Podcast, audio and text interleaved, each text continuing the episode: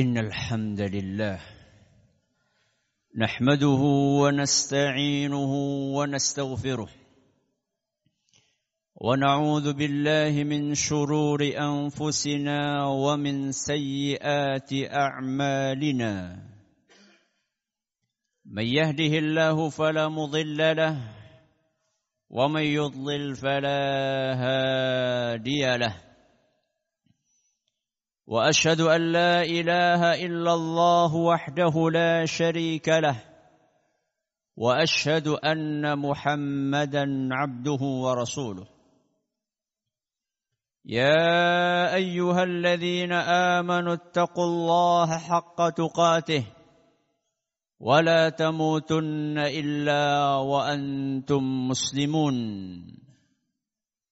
يا أيها الناس اتقوا ربكم الذي خلقكم من نفس واحدة وخلق منها زوجها وبث منهما رجالا كثيرا ونساء. واتقوا الله الذي تساءلون به والأرحام. إن الله كان عليكم رقيبا. يا أيها الذين آمنوا اتقوا الله وقولوا قولا سديدا.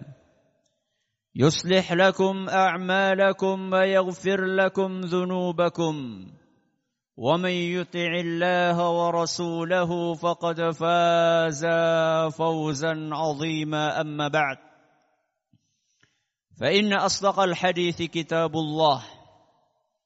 وخير الهدي هدي محمد صلى الله عليه وعلى اله وصحبه وسلم وشر الامور محدثاتها وكل بدعه ضلاله جمع جمعه رحمكم الله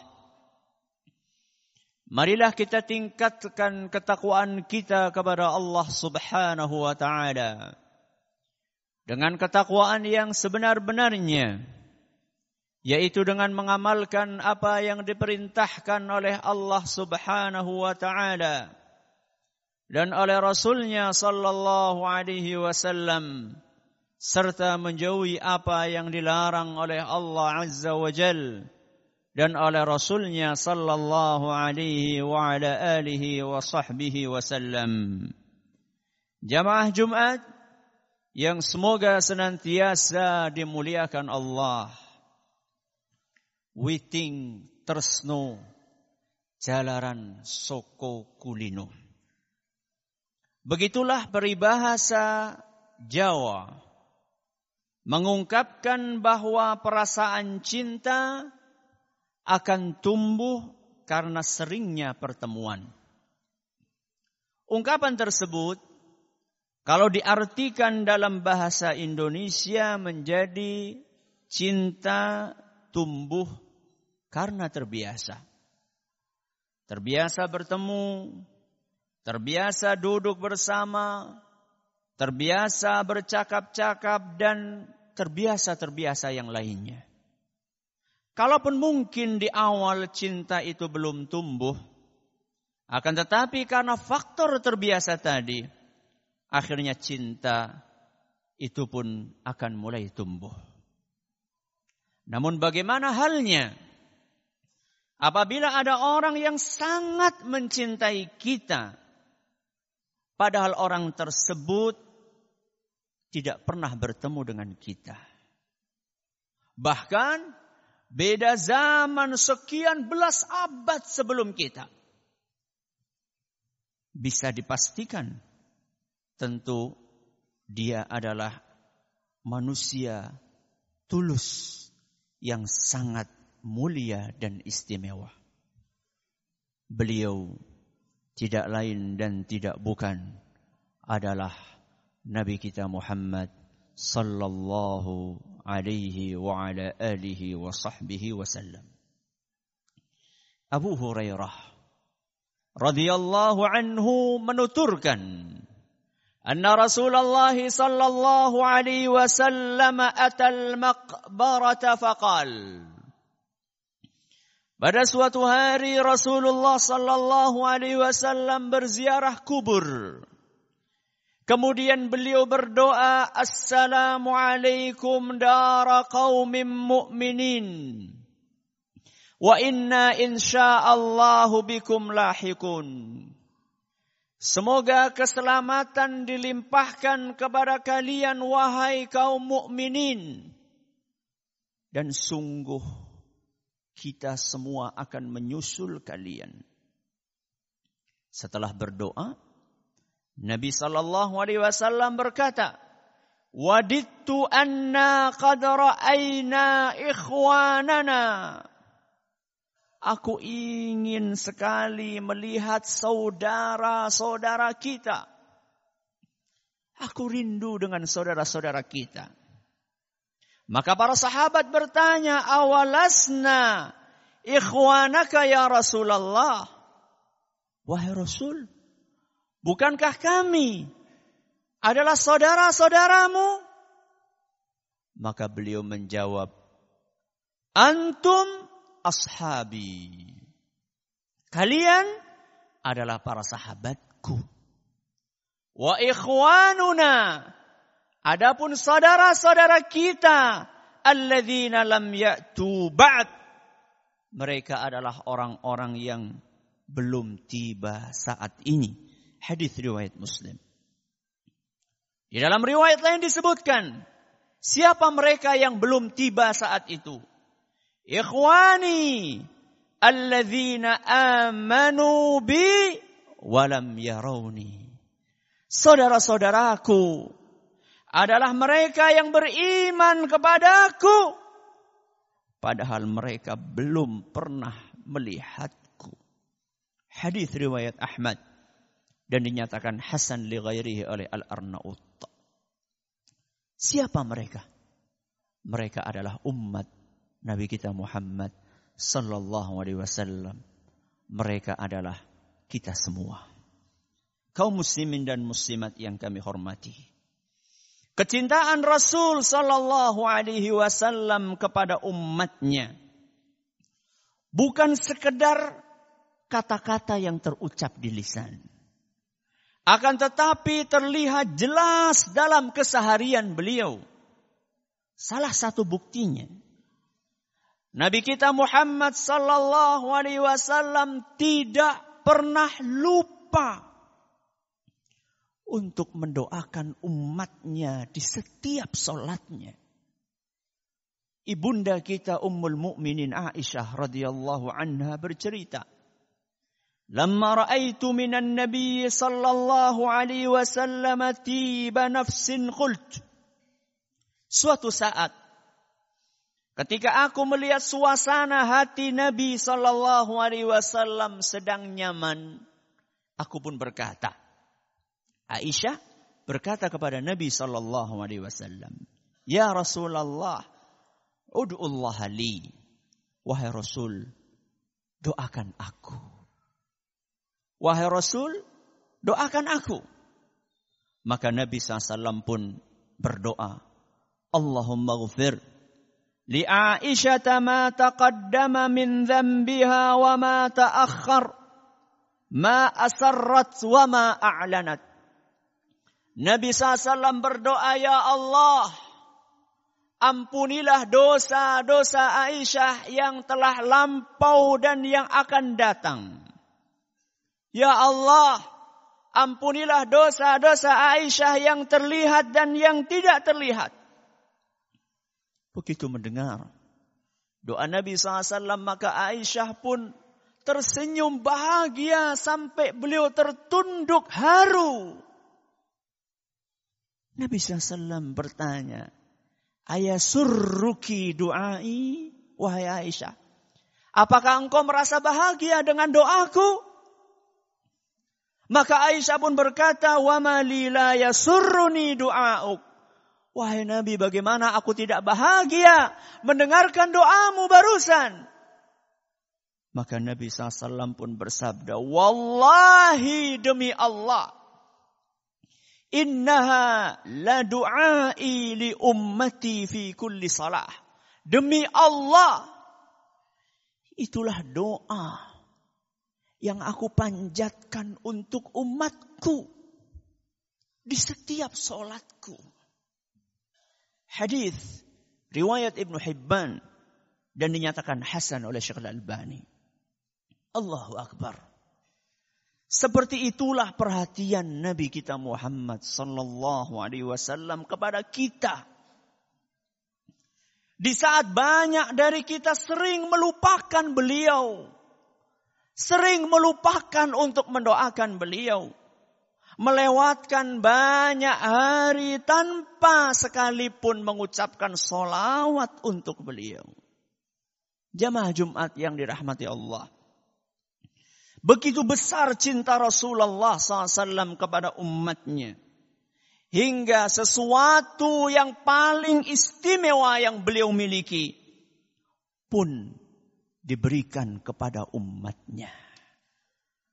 An Abi Hurairah radhiyallahu anhu qal qala Rasulullah sallallahu alaihi wasallam dari Abu Hurairah semoga Allah meridhai beliau bahwasanya Rasulullah sallallahu alaihi wasallam bersabda likulli nabiyyin da'watun mustajabah setiap nabi mendapatkan jatah doa yang pasti dikabulkan setiap nabi setiap rasul diberi jatah oleh Allah doa yang pasti dikabulkan. Fata'ajjala kullu nabiyyin da'watahu. Seluruh nabi. Seluruh nabi sebelum nabi kita Muhammad SAW sudah menggunakan doa yang mustajab tersebut.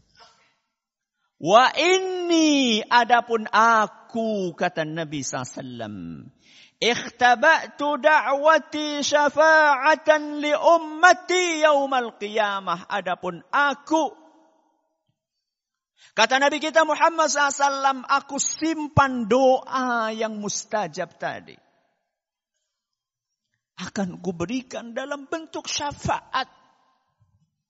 Untuk umatku nanti di hari kiamat. Fahiyana ilatun insyaallah. Man mata min ummati la yusyriku billahi syai'an. Setiap umatku yang wafat dalam keadaan tidak berbuat syirik sedikit pun, dia akan memperoleh syafaat tersebut insya Allah. Hadis riwayat Bukhari dan Muslim.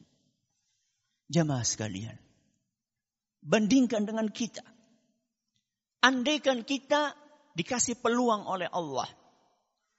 Satu doa yang pasti mustajab. Satu doa yang pasti dikabulkan. Kira-kira kita akan manfaatkan untuk minta apa?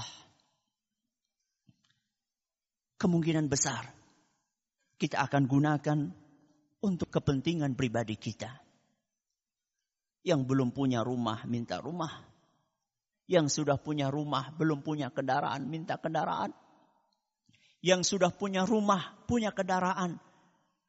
Hartanya kurang banyak, dia minta harta. Yang sudah punya harta, sudah punya rumah, dia minta tanah yang luas. Itu kan atau kita akan gunakan doa yang mustajab itu untuk mendoakan Nabi kita Muhammad sallallahu alaihi wasallam sebagaimana beliau memanfaatkan doa mustajab itu untuk kita. Suasana di padang mahsyar. Nanti di hari, di hari kiamat sangat mencekam.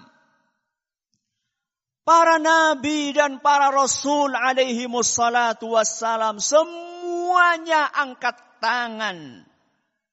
Tidak kuasa untuk membantu umat manusia saat itu. Maka mereka pun berbondong-bondong untuk menemui Nabi kita Muhammad sallallahu alaihi wasallam guna memohon bantuan dari beliau. Maka Nabi kita sallallahu alaihi wasallam bergegas sujud di bawah arsh sembari beliau memuja dan memuji Allah Subhanahu wa taala. Setelah sekian lama Allah Subhanahu wa taala berfirman, "Ya Muhammad, irfa' ra'sak, sal tu'tah, washfa' tushaffa'." Wahai Muhammad, angkatlah kepalamu. Mintalah engkau. Pasti akan dikabulkan. Silahkan berikan syafaatmu. Maka Nabi SAW pun mengangkat kepala beliau. Begitu beliau mengangkat kepalanya. Kata-kata yang terlontar dari lisannya pertama kali. Ummati ya Rabbi. Umatku wahai Rabbi. Umatku wahai Rabbi. Umatku wahai Rabbi. Pertama kali yang beliau pikirkan adalah kita semua. Maka kemudian dikatakan kepada Nabi kita Muhammad SAW, Ya Muhammad, adkhil min ummatika man la hisaba alaihim min al-babil ayman min abwabil jannah. Wahai Muhammad, persilahkanlah sebagian dari umatmu yang tidak menjalani proses penghitungan amal untuk masuk ke surga lewat pintu sebelah kanan. Hadis riwayat Bukhari. Semoga kita termasuk golongan tersebut. Aku qawli hadha wa astaghfirullah li wa lakum wa li jami'il muslimin wal muslimat fastaghfiruhu innahu huwal ghafurur rahim. الحمد لله رب العالمين والعاقبه للمتقين ولا عدوان إلا على الظالمين. والصلاة والسلام على المبعوث رحمة للعالمين وحجة على الخلق أجمعين. ما من خير إلا ودلنا عليه وما من شر إلا وحذرنا منه. صلوات ربي وسلامه عليه. وعلى اله الطيبين وصحابته الميامين وعلى من اقتفى اثرهم وسار على هديهم الى يوم الدين اما بعد عباد الله masih banyak potret kecintaan Nabi kita Muhammad sallallahu alaihi wasallam kepada umatnya. Tidak mungkin semuanya dikupas dalam khutbah yang singkat ini. Namun, hal yang paling penting, hal yang paling penting yang harus kita ingat adalah, sudahkah kita mencintai Nabi kita Muhammad sallallahu alaihi wasallam sebagaimana beliau mencintai kita? Kemudian apa bukti dari kecintaan kita kepada beliau? Jangan sampai kita justru membalas cinta beliau dengan melakukan hal-hal yang membuat beliau tidak berkenan, bahkan marah. Walaupun dengan dalih dalam rangka mengungkapkan kecintaan kepada beliau. Rasulullah sallallahu alaihi wasallam mengingatkan, "La yaridanna alayya aqwamun. A'rifuhum wa ya'rifuni, thumma yuhalu baini wa bainahum." Di padang mahsyar nanti kata Nabi SAW akan datang ke telagaku orang-orang yang ku kenal dan mereka mengenaliku. Namun, kemudian mereka terhalang dariku. Tidak bisa mendekati telaga Rasul SAW. Fa'akulu innahum minni. Maka beliau sallallahu alaihi wasallam pun berkata, mereka adalah bagian dariku. Mereka adalah umatku. Fayuqalu maka kemudian dijawab. Innaka la tadri ma ahdathu ba'dak. Engkau tidak tahu wahai Muhammad apa yang mereka ada-adakan setelah engkau wafat. Engkau tidak tahu tingkah pola mereka setelah engkau meninggal. Fa'akulu. Maka kemudian Nabi SAW pun bersabda. Suhkan. Suhkan liman ghayyara ba'di. Pergilah menjauh.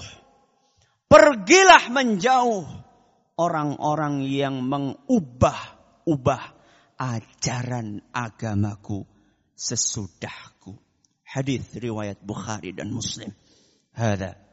وصلوا وسلموا رحمكم الله. على الصادق الأمين. كما أمركم بذلك مولاكم رب العالمين. فقال سبحانه إن الله وملائكته يصلون على النبي. يا أيها الذين آمنوا صلوا عليه وسلموا تسليما.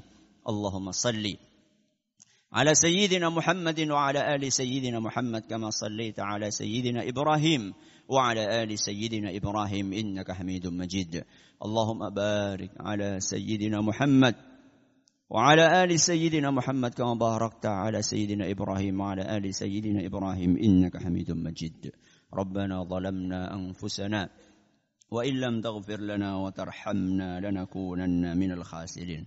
ربنا اغفر لنا ولإخواننا الذين سبقونا بالإيمان ولا تجعل في قلوبنا غلا للذين آمنوا ربنا إنك رؤوف رحيم. ربنا لا تزغ قلوبنا بعد إذ هديتنا وهب لنا من لدنك رحمة إنك أنت الوهاب.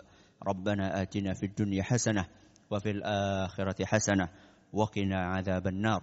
وصلى الله على نبينا وسيدنا محمد وعلى آله وصحبه ومن تبعهم بإحسان إلى يوم الدين. وآخر دعوانا أن الحمد لله رب العالمين. أقم الصلاة.